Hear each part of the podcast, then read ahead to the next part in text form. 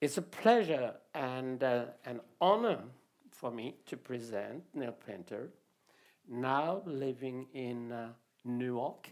Well Is it is it well That's right. That's Uh, New, eh, it's not New York, Newark, uh, New Jersey, and uh, Jan Grue living in Oslo. Let us welcome them with an applause.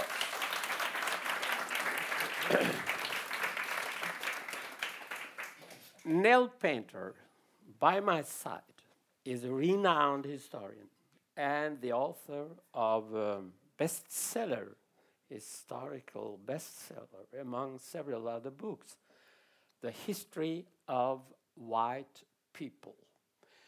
I know you talked about this book yesterday, so we shall not repeat what you uh, told the public yesterday. What I can say, because we have both uh, certain uh, contact with France. that's Uh, you came directly here from Paris, where you had been in talk shows, in uh, several uh, bookshops, uh, to talk about your book translated recently into French, Right. L'Histoire des Blancs. At the age of 64, however, you chose to leave your professorship at the distinguished Princeton University to start a new professional education as an artist.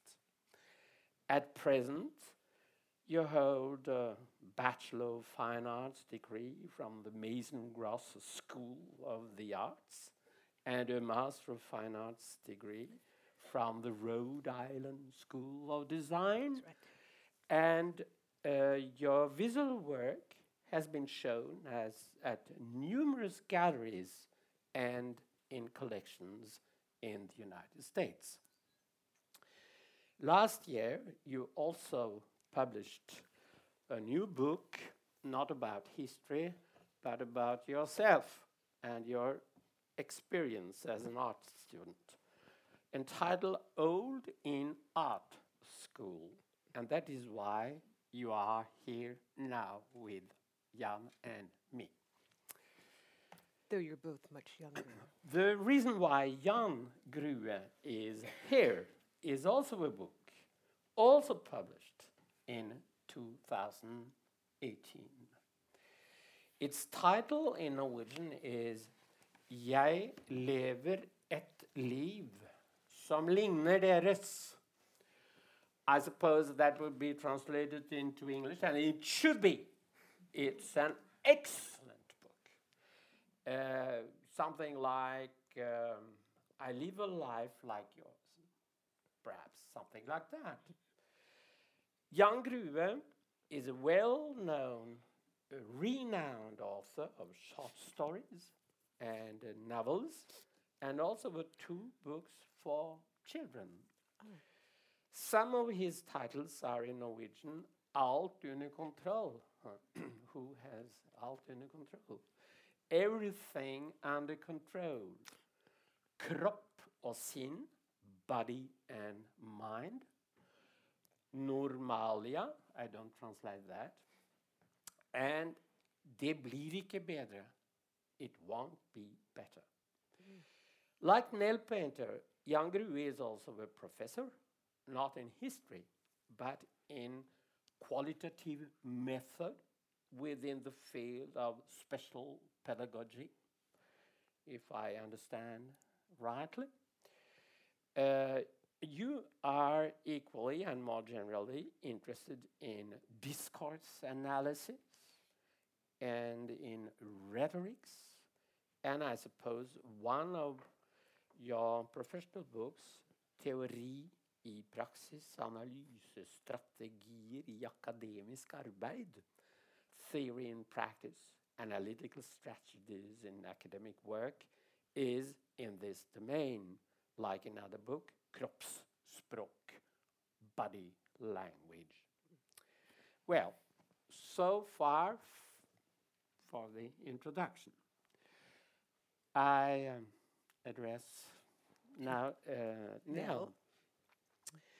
You call your last book, which is in the center here, a memoir, or more exactly, a memoir of starting, starting over.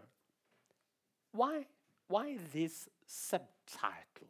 What is a memoir in the meaning in which you use it nowadays in the United States and accordingly all over the world? What is a memoir? For me, it was something very personal. Uh, I have written, I think, eight books of history, seven books of history, lots of history. And as a historian, um, my work was rooted in the archives, in text. And when I wrote, I, I was a very good historian in the sense that I could do a lot of research. And for the history of white people, I did, it took 10 years to write that book. So it's lots and lots of research. And uh, some of it is contradictory and it changes uh, over time. So, my genius, if I may say so, uh, as a historian was to be able to pull together lots of information and convey it to you clearly but with nuance. And when I wrote, I wanted you to see the subject through my eyes. Memoir is entirely different. For memoir, I was reaching into myself, pulling out things I had no idea I could face up to and admit to other people. And then for the reader, uh, the reader makes the meaning. So what you get from my book is okay with me. Whatever it is you get from my book. It's so okay- it's more like It's art. okay with you. Yes, it's much more like art. It's much more almost like fiction. Yeah. We have a saying um, in cultural studies of autobiographical truth. Yeah. Yeah. Yeah. So it's something like what the French uh, started to call uh, autofiction. Not fiction. No, you you told it's like a novel. You said no, no, no. it's not fiction. It's a memoir. It's a memoir. Yeah, that's enough. Jan, uh, you call your last book en levnetsbeskrivelse. It is a rather, a rather old-fashioned word in Norwegian, somewhat uh, corresponding to what they used to call in Latin vita. Levnetsbeskrivelse. Ludvig Holberg, our philosopher and uh, author from Bergen, uses that that word in the 18th century. Um, uh, you can uh, translate it by description of a life, uh, uh, beskrivelse, uh, levned life. Why have you chosen precisely that subtitle or that generic term? Yeah. I mean, I'll I'll be perfectly honest. I um, I'll just try and turn a bit so I don't face only one half of the room. Um, I mean that that title was uh, or that genre uh, descriptor was was given to me. It was proposed by one of my editors uh, at my publishers, and it f- felt like, um, on consideration, it felt like one of those wonderful gifts that I, I couldn't have planned for, because sometimes it takes someone else reading your work to really sort of see it in the right light. And so um, I was wondering how you would translate that uh, descriptor because I really have no idea. But of course, going by way of Latin is an elegant solution. Um, in in Norwegian, the connotation is partly that this is um, a descriptor, a, a description of someone's life written by someone else, and so it is something that you would find in perhaps a medical context, um, something written by a professional, a case study even, uh, and so it applies very well to some of the materials that I use in my book, which are in fact descriptions of me as a case study, written by doctors, written by um, well various agents of the of the welfare state at various stages in in my life, and so I mean, I suppose if I'd written this book in English, it would have been called a memoir because that genre exists in the Anglo American world to a very different degree than it does in Norway. Um, for various reasons, um, probably the most important of which is that novels are fairly generously subsidized uh, by the government. Memoirs often become very lightly disguised and published as novels in Norway. Um, there is at least one very famous case of this, which you've probably heard of even in the US as well, uh, featuring Knausgård. Karl Ove Knausgård, his uh, My Struggle has uh, by now Oh, yes, been of course, of course. yes, Yes, it's, yes. Uh, it's it's Auto it- fiction. it's traveled well Yes, and been definitely. labeled autofiction. It might have been published as memoir in English, possibly. No, no, no. Yeah. It's been published as uh, as a novel, but it very clearly. I mean, it's yeah. Exactly, and and Yeah. we'll let the law- lawyer, lawyers settle that one. Yeah. But um, certainly, memoir isn't an established genre in, in Norway in quite the same way. Uh, and so there was a bit of a quest to find the right uh, genre descriptor, which um, turned out to be quite productive. There's a tension in the materials there. Yeah. I was just thinking about the way that you present your art in the Mhm, book mhm. with various, as you pointed out, very sort of beautiful um, presentations of your, your paintings. Uh, and there's a, I think there's a productive tension there of uh, s- one style of writing, the memoir style of writing, which can then play off something else, which in, in my book is, is simply documents written by other people. Interesting. Um, well, uh, before we uh, come back to your book, I couldn't accept this last presentation of your book because your book is a rich book um, with wonderful writing, and there are uh, you have contrasts between the medical, so-called objective uh, documents, but and your wonderful écriture, uh, wonderful writing with reflections, poetic uh, passages, and so on. So, uh, well, we come back to, to, but it's a wonderful book. Well, uh, I I want uh, now to focus for a for a little moment, especially on your project, uh, Nell. Uh, and my first questions are, are very easy, are very evident. You can do with them what you want. Why did you write your book? What was your purpose?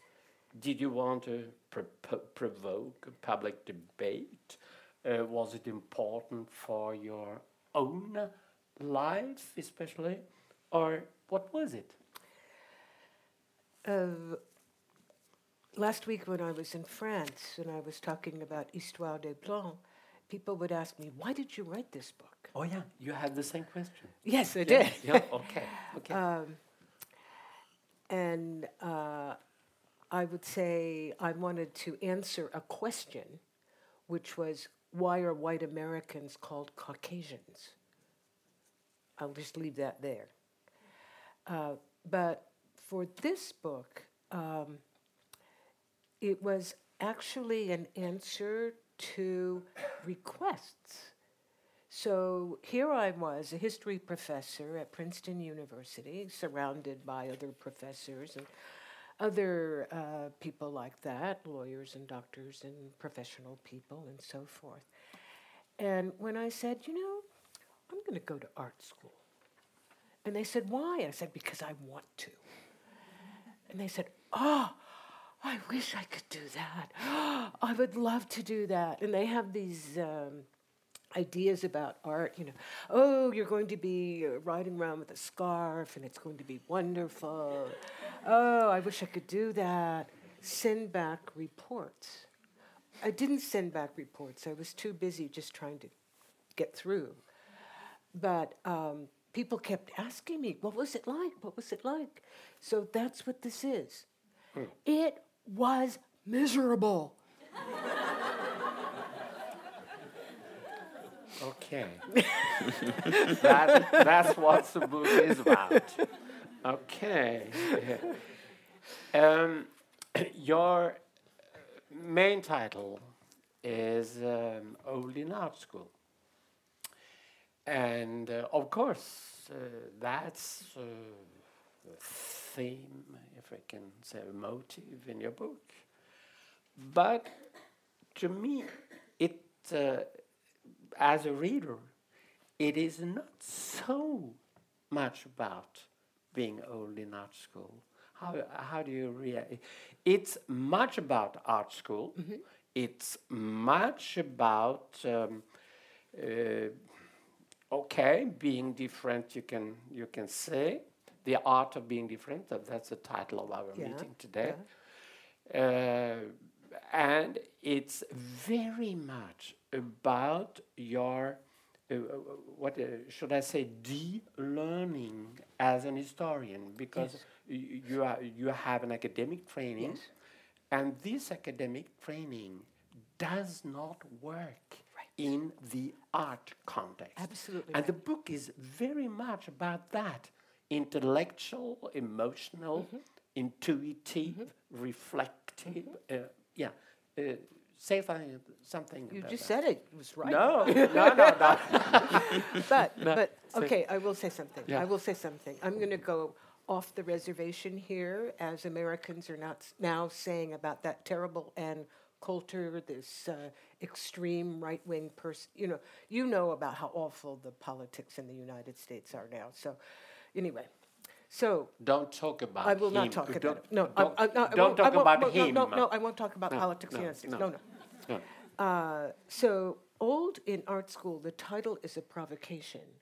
I don't know about here in Norway, but in the United States, you don't say the word old. So, when I started writing, and people said, Oh, what are you writing about? And I said, Old in art school. And they'd say, Oh, you're not old, you're older. okay okay okay So I said, listen, I want to do for old, which is a word you cannot say out loud. I want to do for old what Black Power did for black. I see some of you are old enough to maybe remember Say It Loud, I'm Black and I'm Proud. You know that? Yeah. Put your hand up if you, if you know it. So, no, not so many. Okay. Well, this is from what, the 60s, isn't it? James Brown in the 60s. It was a very famous uh, song uh, in the United States, and it got to be international. Uh, Say it loud, I'm old and I'm proud. And that was a turning point because before that, if you called somebody black, it was an insult. It was, it was fighting words. But this uh, Black Power movement and moment um, reclaimed what had been a spoiled identity. Say it loud, I'm black and I'm proud. So I say, say it loud, I'm old and I'm proud. And actually, I am in my last public meeting um, of almost two weeks of talking, and I'm going to play with you a little bit. When I was uh, on the book tour for this book, it was all American uh, audiences, and they kind of looked like you, my audiences. And so I would say to them, Do you want to say, say it loud, I'm black and I'm proud? And they'd say, and then say it loud, I'm old and I'm proud. And they'd say, say it loud, I'm. so sometimes, if it was a really good audience, I would have you say it out loud. And you're a really good audience, and I'm going to have you say both out loud, okay? You ready? Say it loud, I'm black and I'm proud. Say it loud. I'm old and I'm proud.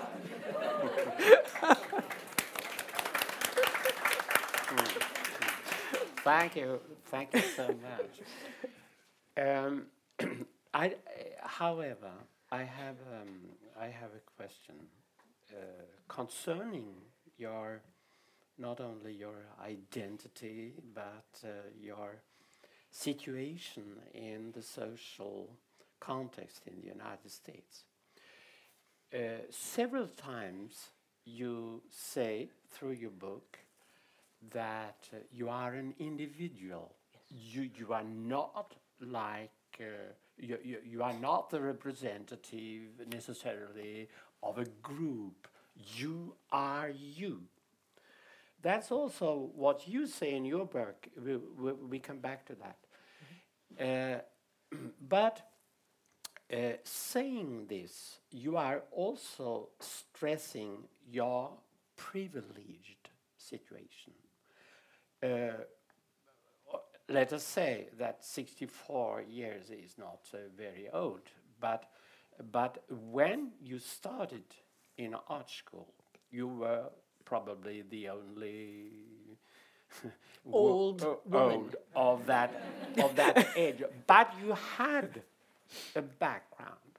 You had been on the first page of uh, New York Review Books. Uh, New York Times Book Uh, Review, Times but Book- that came while I was at the Rhode Island School. Yeah, but but they uh, that augmented your reputation, perhaps. Uh, I, no, Not in art school. It- not in our school. no. okay, but any anyhow, in the United States, you you, you had al- already a career.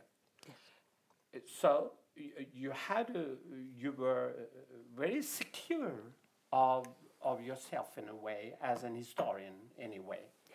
Um, and there is also the economic uh, side of uh, the situation.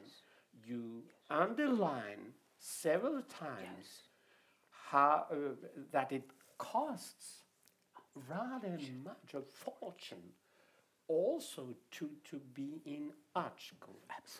So, uh, but uh, I, do, I don't know want to say that a privileged uh, person shall not talk on behalf of others, because uh, I think your book is uh, very important. But what, what, do- what do you say to my remark? You're right. That's all. okay. Okay. Okay. Um, what um, uh, what I want to ask you about now is uh, the social life in in art school.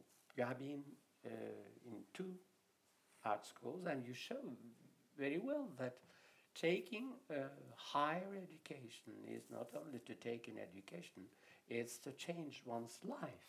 You meet people, you, uh, you have friends, you have not friends. And uh, how was, uh, was the social life for you? The social life in art school was zero. I was older, the, my fellow students were the age to be my grandchildren, mm-hmm. my teachers were the age to be my children. I did not socialize with them. Maybe just a teeny, teeny bit with one of the students who felt very old at the Rhode Island School of Design. She was 32. exactly.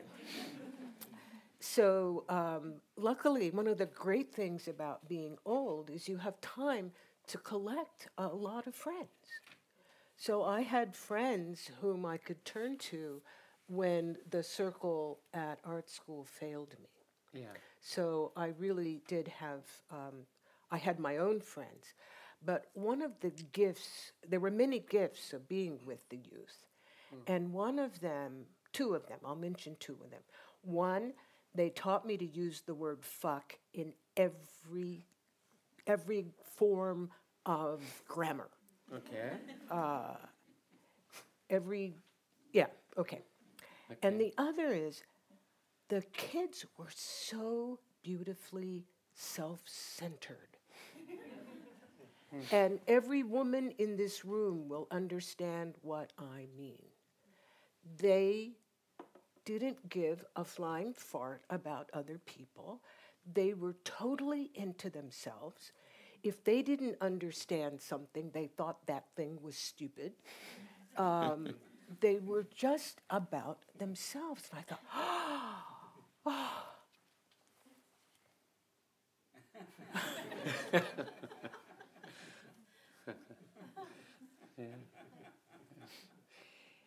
Um, there is many differences. The two books of uh, about which we we talk today are very very different.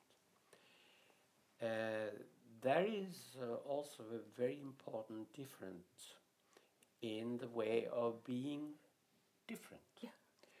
Because um, you chose uh, deliberately this situation, which was not easy for you, but you succeed.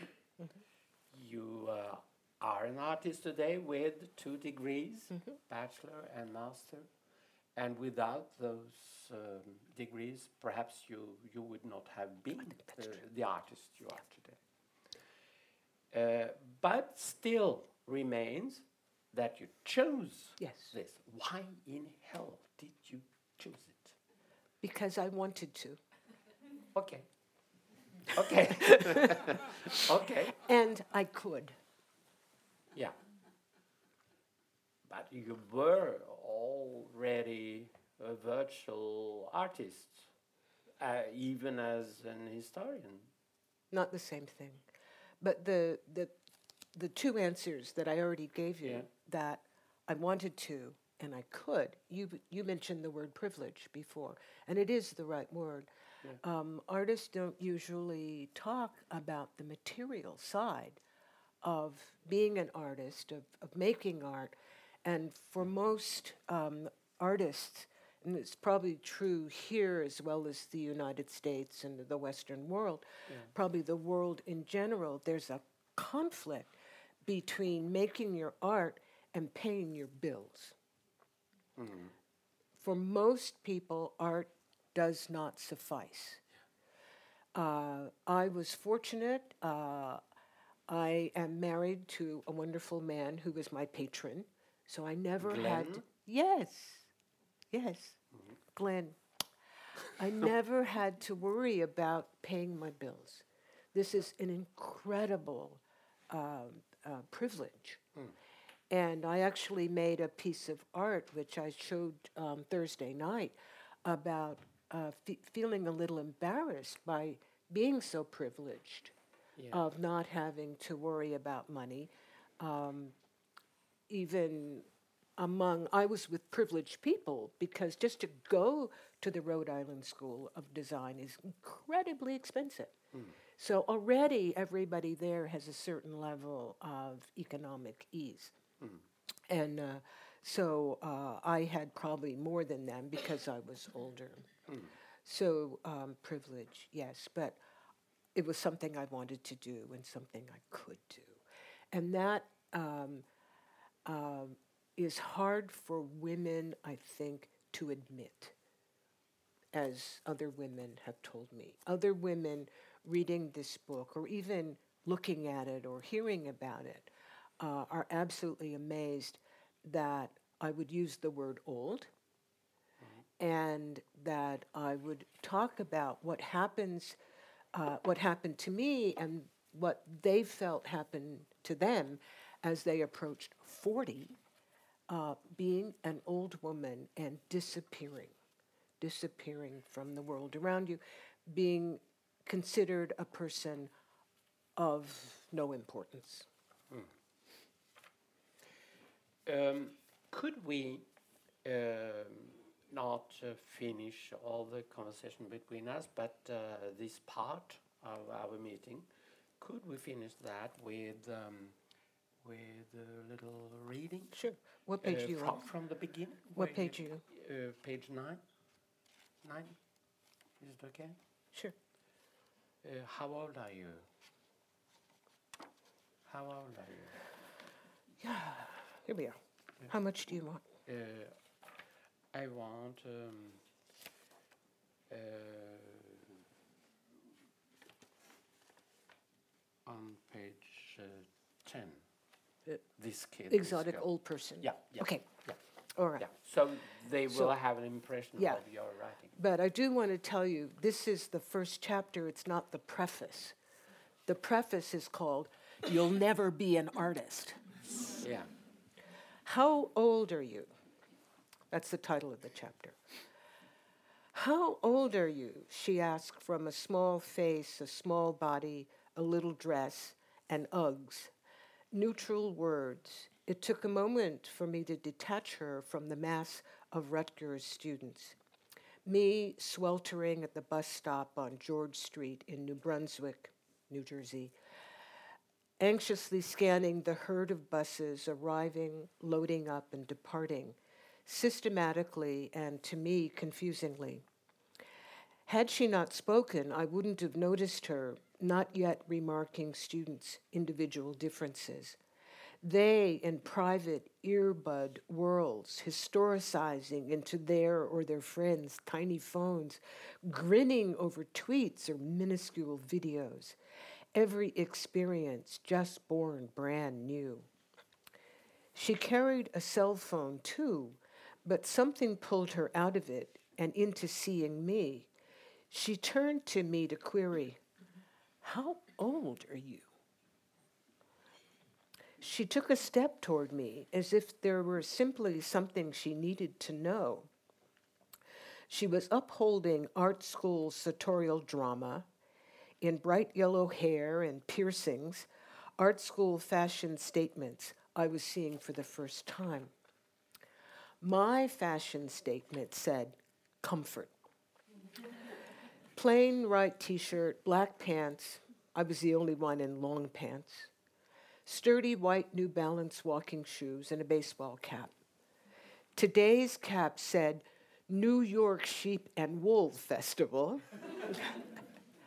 I may not have been the only knitter in that crowd, but I was the only one wearing it. On this, my second day as a BFA student at Mason Gross School of the Arts of Rutgers, the State University of New Jersey. How old are you? Interrupted the befuddlement of my first encounter with the herds of Rutgers students in buses, red, white, and black. She blurted out her question. No euphemism, no beating around the bush, no aggression, just naked curiosity before telling me her name was Tina. How old are you?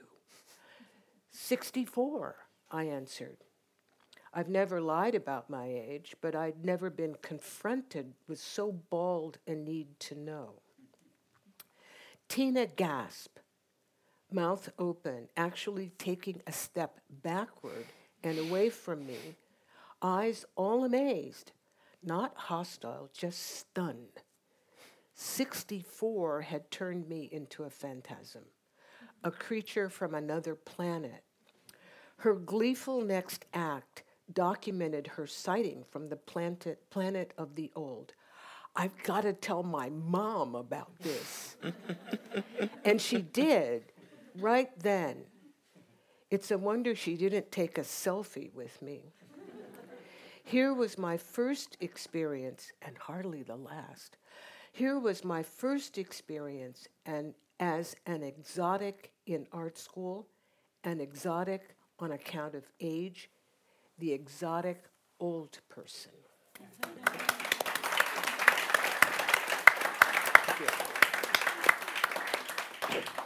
Well, uh, you had now an impression of her art of writing.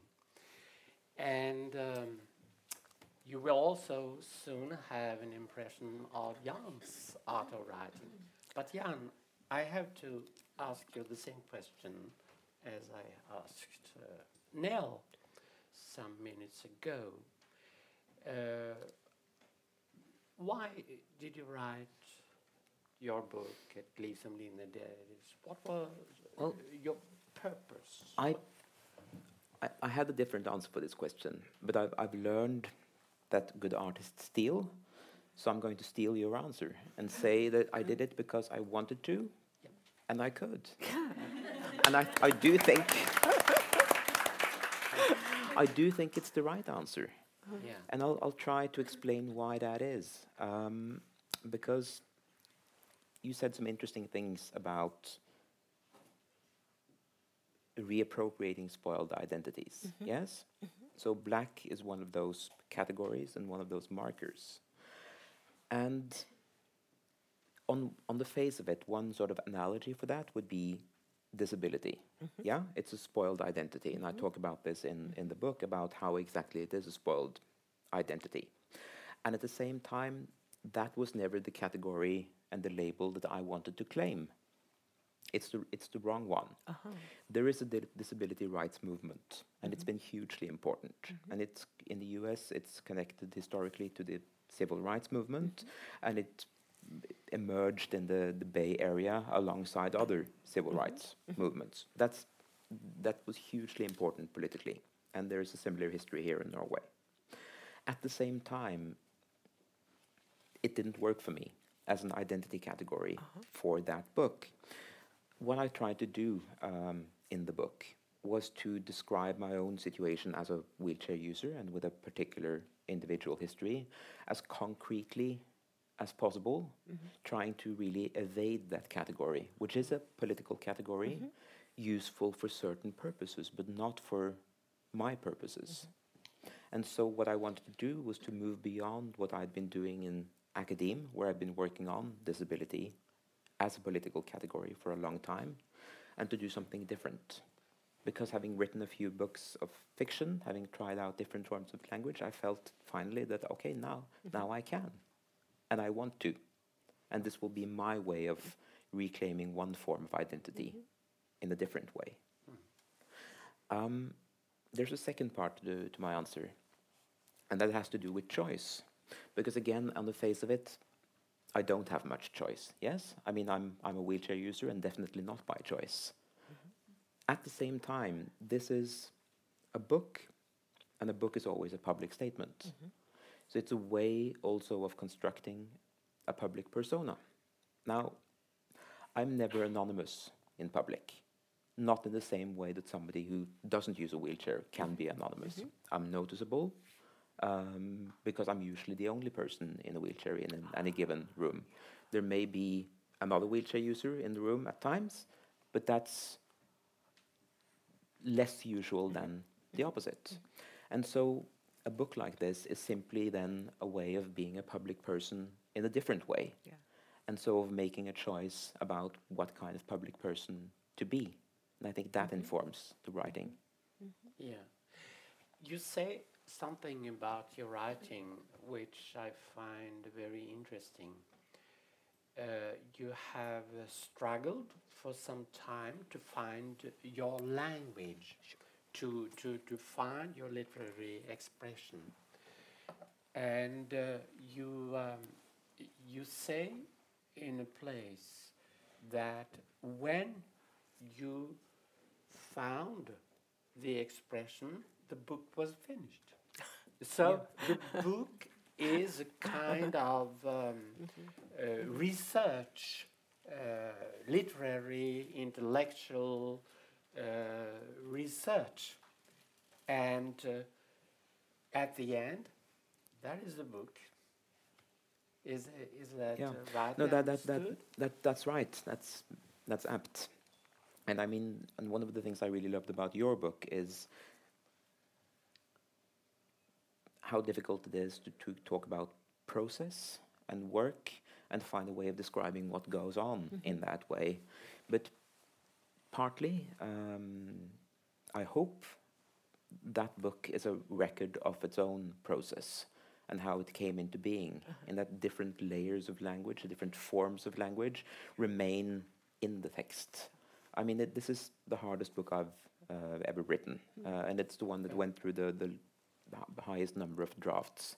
Yeah. I think between eight and ten distinct Yeah, wow. drafts, Yeah. uh, because that, that's how it had, had to be. Yeah. The structure came to me relatively late, and various sort of fragments of the text remain from the first draft, but very few fragments. And so it's it's layered, it's structured, and as you I think touched on before, it, it draws on multiple sort of textual sources and genres. So it, it's kind of a, a bricolage uh, in a way. It's a it's a collage of different forms of of text, uh, but it's also in that way. Um, it, it it is my attempt to demonstrate and make visible a particular form of thinking about what I think is a very difficult issue, which is sort of, for me, the issue of, of being embodied in a particular way Yeah. and trying to find different ways of talking about that um, in language, while at the same time recognizing that there's no, never going to be a perfect language for talking about embodiment and being a body. And as soon as you commit to any one form of language, you give up something else. And mm. so I try not to do that completely, but to mm. present different ways of doing it mm-hmm. in the mm. same book. You are a specialist of discourse anal- uh, analysis, so uh, you you can never uh, completely avoid the the discourses. But for me, it's true. This book is very much about language. Uh, It's um, it's a universal theme in a way, but here in a very particular setting and in a very particular life, your your life. But um, there is the medical language objectifying the individual, and there is what I should call a literary writing, where the sub, uh, subject is uh, one hundred percent present, and um, where you have many possibilities. I want you to to read for the public uh, a passage I have uh, chosen. I, I told you before. Um, Yes. And apologies for doing this in Norwegian. I'm not yeah, going to try and translate it, it as I go. Yeah, yeah, yeah. Jeg forsøker å skrive av meg de andres språk. Jeg forsøker å skrive av meg de andres blikk. For hvert lag jeg fjerner, blir jeg mer usikker på om det finnes noe der inne som lar seg beskrive. Hva ville det bety å beskrive det usette, det som bare eksisterer for seg selv? Filosofen Daniel Dennett skriver om det indre teater, en metafor for tenkning og selvforståelse. Om alt utspiller seg på en indre scene, hvem er da publikum? Jeg vil gjerne tenke meg bort fra kroppen min, bort fra de skadde og slitte anklene mine. Men det finnes ikke noe meg som er uten denne kroppen, som har en umerket kropp. Det ville være en kropp som hadde levd et annet liv. Den kroppen finnes ikke. Likevel hjemsøker den meg. Den kaster en slags, en annen slags skygge. Jeg lukker øynene og går på ski hver vinter, jeg løper en mil hver morgen. Jeg reiser til utlandet på en times varsel, griper håndbagasjen, løper ut og fanger en taxi, er gjennom sikkerhetskontrollen og spurter til gaten. Jeg vet ikke hvor jeg skal bo når jeg kommer frem. Jeg setter meg i en bil og sier 'kjør meg til et sted jeg ikke har vært før'. Jeg åpner øynene.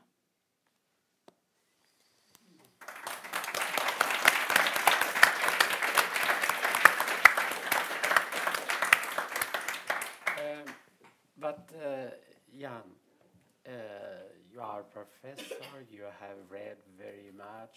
You you are also uh, an author of fiction, and uh, in spite of the impression you could give with your last sentences here, you have traveled much.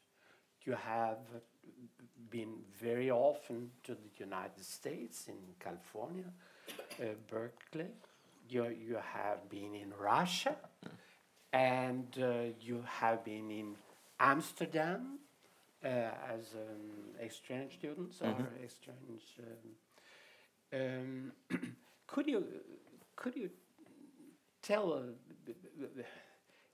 these travels have not been without practical problems. Could you tell a bit of your experiences?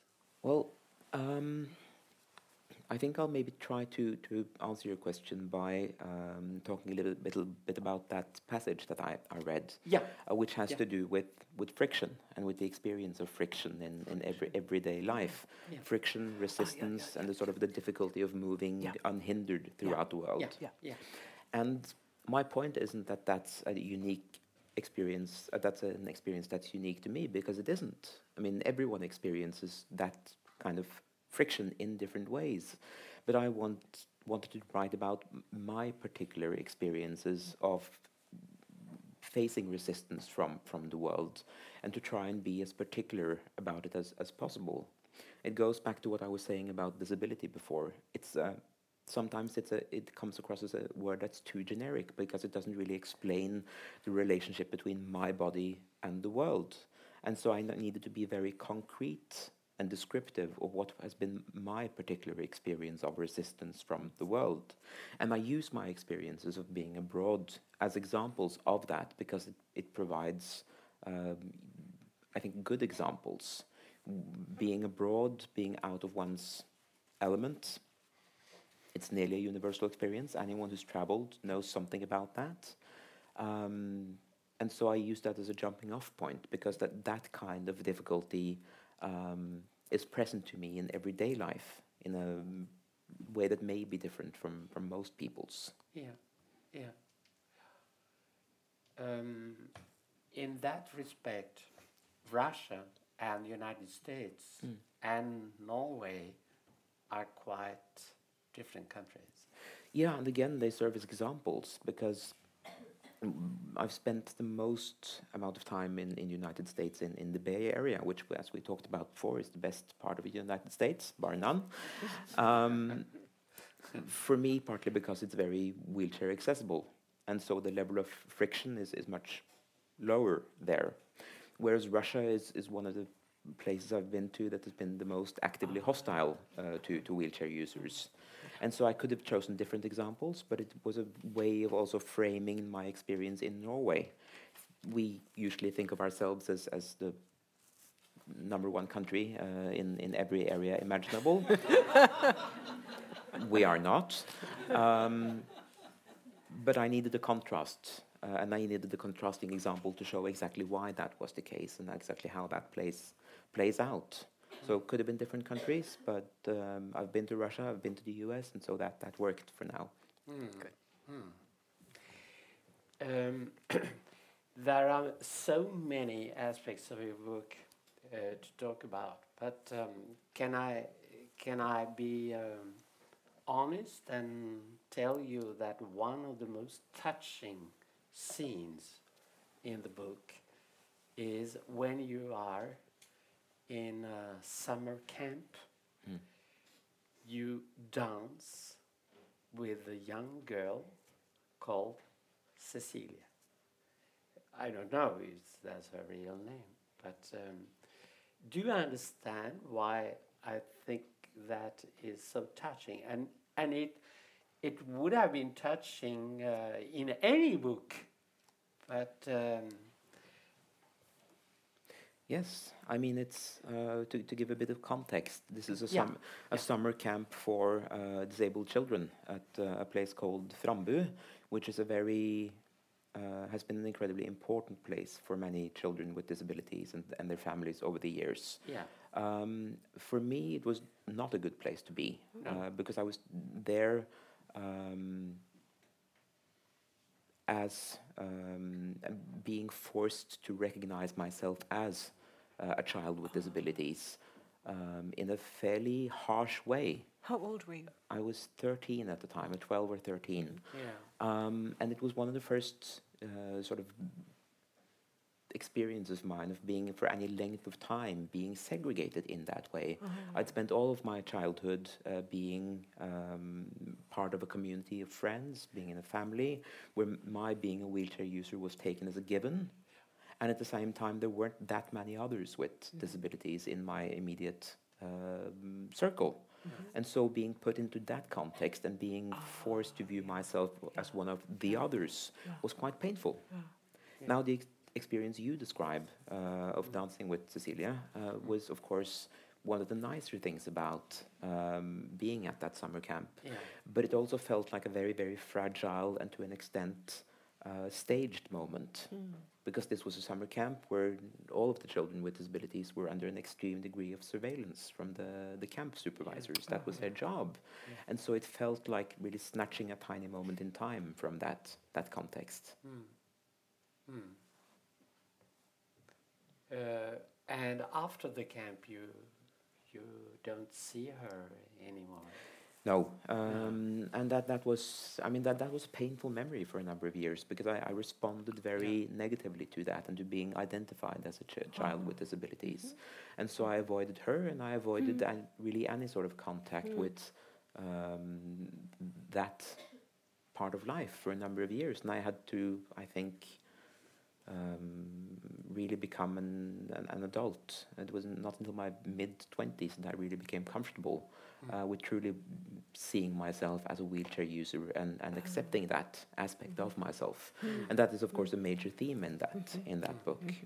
And just a, a final uh, tag at the end of that, a lot of that took place in, in the Bay Area because that provided a space for me to, to see myself as a wheelchair user in an entirely different context Sure. from the one in which I'd Yes. grown up. Mm. And so one of the scenes I, I also uh, present in the book is mm, at, at one of the, f- my first days in, in Berkeley, waiting at a, a pedestrian crossing and having somebody come up to me and say, "Cool ride, man." and me being Norwegian, I, I, I had to spend a, a, a few minutes recognizing that this was not sarcasm. That, that, that, was, that was a genuine compliment. Americans really talk to each other that way and, and mean it. And so that was the start of something else. Okay.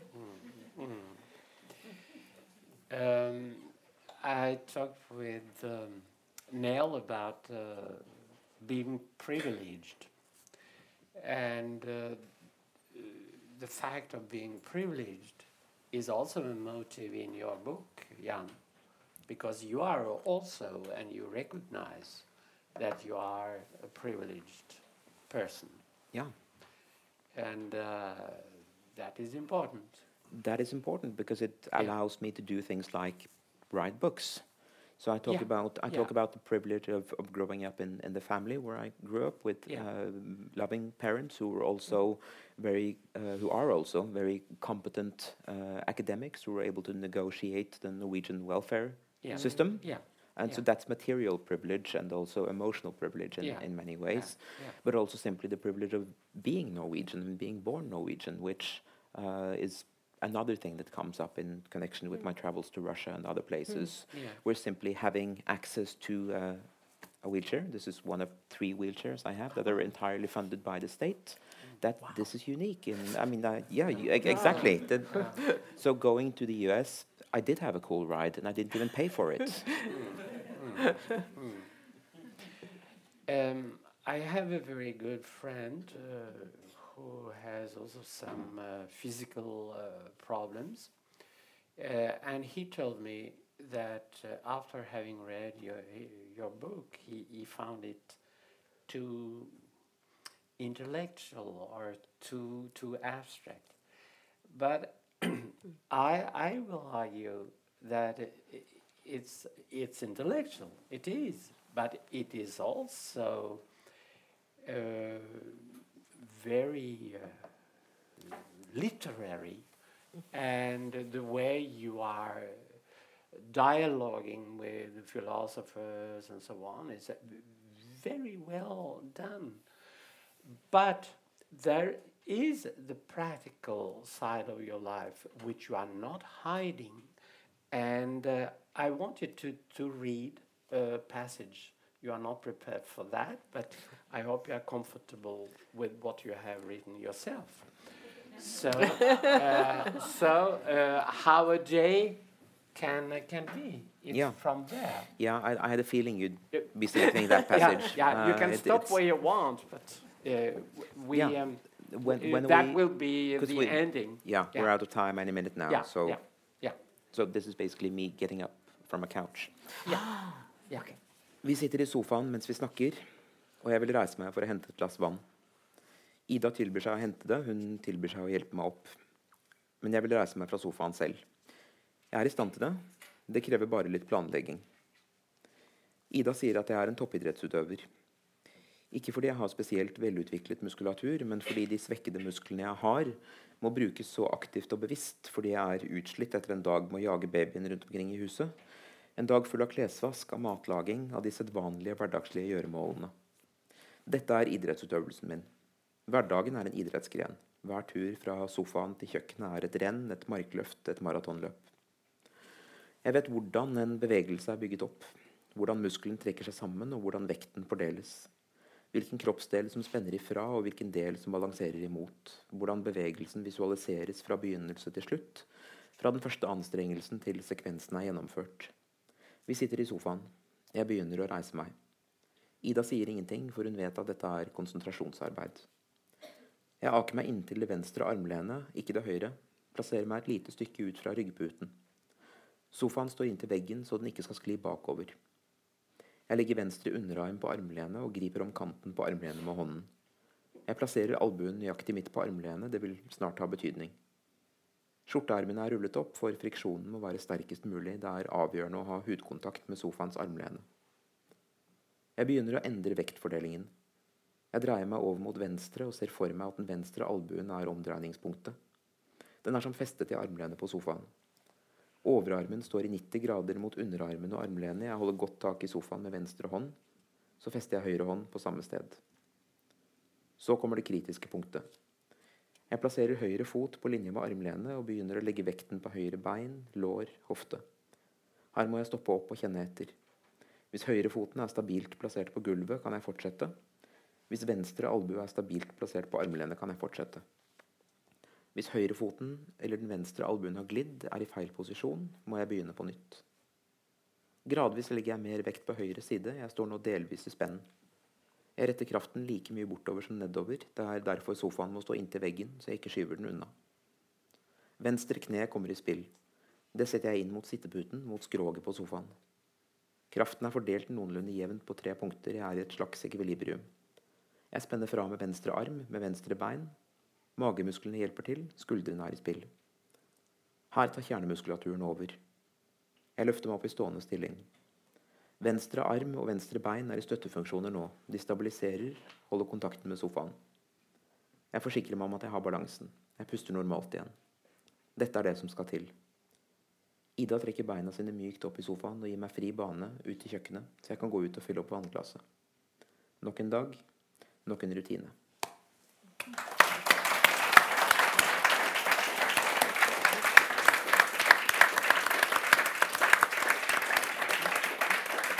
Well, it's uh, my honor to thank you both Thank you. Thank you. for having been here and for having talked about your life and your books. Thank you.